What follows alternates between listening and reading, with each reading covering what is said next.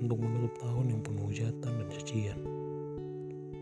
Serta diujinya rasa kemanusiaan, mari sama-sama kita refleksikan dalam satu tulisan. Disambut dengan kekhawatiran akan virus yang katanya merenggut ribuan nyawa kehidupan. Manusia dilanda rasa takut akan kematian. Dengan bayang-bayang keterbatasan bersosialisasi, terisolasi dalam ruangan dingin tanpa kehangatan serta pelukan. Yang sampai detik ini tak kunjung ada titik terang. Kapan kiranya kita bisa menyambut pagi penuh kesibukan tanpa masker dan tanpa protokol kesehatan?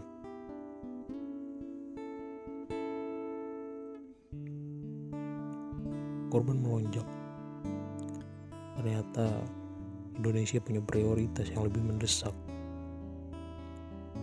Diketuknya palu tengah malam hingga mengundang masa yang bergejolak. Memancing perdebatan, kemarahan, pemukulan, hingga pembakaran. Mirisnya, di bawah terlunta mencari makanan, yang di atas malah sibuk rebutan bantuan.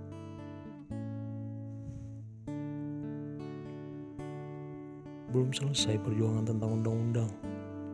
Di sisi lain, investasi yang mengatasnamakan pembangunan kembali jadi sorotan. Tentang hewan yang terancam kehilangan habitat dan hutan yang kembali habis dibabat. Itu semua terjadi di atas tanah yang katanya tanah surga.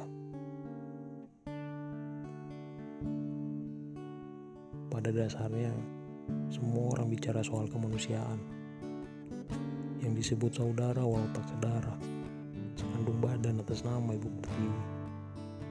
Nyatanya, banyak yang tutup mata ketika menghadap timur bahkan memperlakukan mereka seperti anak tiri. Ternyata, Bineka Tunggal masih jadi tantangan di sini.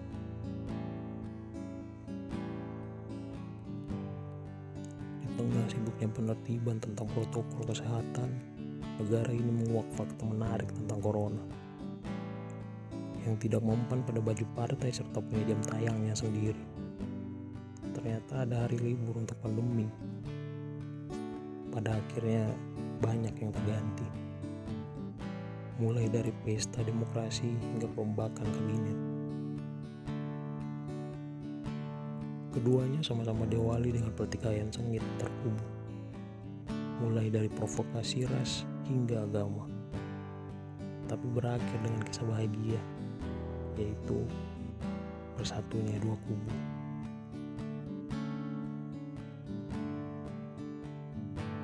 Mungkin benar, bisa jadi ini tahun yang baik untuk evaluasi tentang pentingnya kesehatan, kebijaksanaan, nilai-nilai kemanusiaan, hubungan dengan alam, hingga perebutan kekuasaan.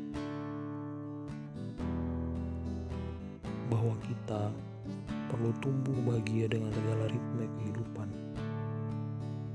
Bahwa kita hidup untuk memanusiakan manusia lainnya.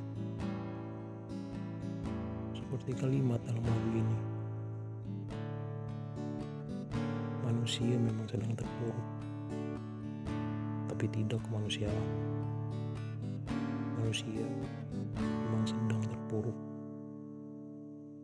tapi bumi sedang membaik.